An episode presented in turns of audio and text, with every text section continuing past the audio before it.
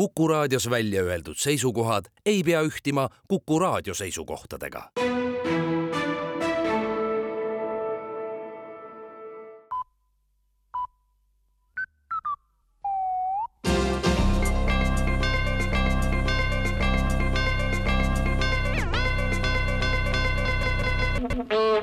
on uudiste eetriaeg ja stuudios Rohke Debelak siseministeerium ja Haridusministeerium on koostanud koolidele juhised pommiähvardustele reageerimiseks. vastavalt keeleseadusele tuleb arvesse võtta ainult eestikeelseid pommiähvardusi. Venekeelsetega ei ole meil midagi ette võtta. kuna kesine riigikeele oskus ei võimalda ähvardajatel kõikidele nõuetele vastavaid ähvardusi koostada, aga suur soov on, siis võib see anda tõuke laiemaks keeleõppe huvi tõusuks, prognoosivad siseministeeriumi ametnikud valitsuse tänahommikuses teates aga märgitakse, et hea tulemuse saavutamiseks võitluses majanduslangusega saab elanikkond ise väga palju ära teha. kõige kiirem võimalus on muuta oma suhtumist ja olla nii maksutõusude kui ka kõikide teiste riigipoolsete pingutustega rohkem rahul.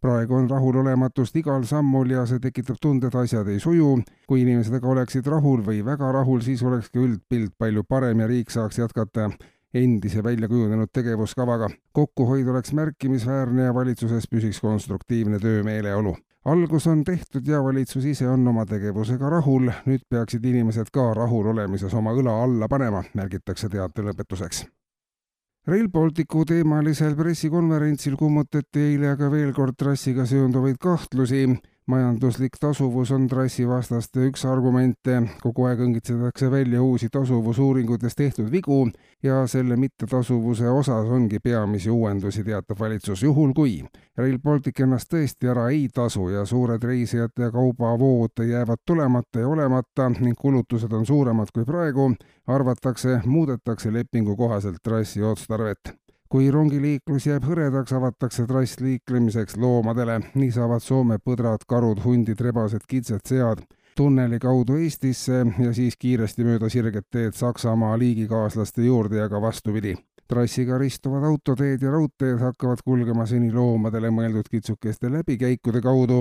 Baltimaad oleksid maailma esimesed loomade kiirteerajajad ja tõmbaksid sellega kogu maailma positiivse tähelepanu. plussis ollakse igal juhul, kinnitab valitsus ja operatiivteateid. Pääsküla politsei sai eile hilisõhtul teated kohalikku kauplusse on sisse murtud. sündmuskohalt tabati kahekümne seitsme aastane Enn, nimi muudetud, kes oli veerand tundi varem koos kolmekümne nelja aastase Kalmeriga, vanus muudetud, üritanud sisse ronida, tegevus muudetud kaupluse korstnast kuna see aga ei õnnestunud ja Kalmer jäi korstnasse kinni, tungis Sergei, nimi veel kord muudetud, kirkat kasutades poeruumi ukse kõrvale raiutud avausest sisse ja varastas kakskümmend kilogrammi juustu, toode muudetud ja kaksteist liitrit lauaviina, nime pole mõtet muuta, ja tarvitas suurema osa sellest ka kohapeal ära. joobe tulemusena tekkis Jemeljan kehahülgosel nimi nüüd juba tundmatuseni muudetud iseendaga tüli ja selle tüli käigus tegi ta kaupluse kaminasse tule. kolmekümne nelja aastane Kalmer, viibimine korstnas unustatud, sai kergemaid põletushaavu. politsei pidas kurjategijad sündmuskohal kinni, tulemus optimistlikumaks muudetud ja kohtus saavad nad kindlasti teenitud karistuse, lõpptulemus oluliselt optimistlikumaks muudetud kuulsite uudiseid.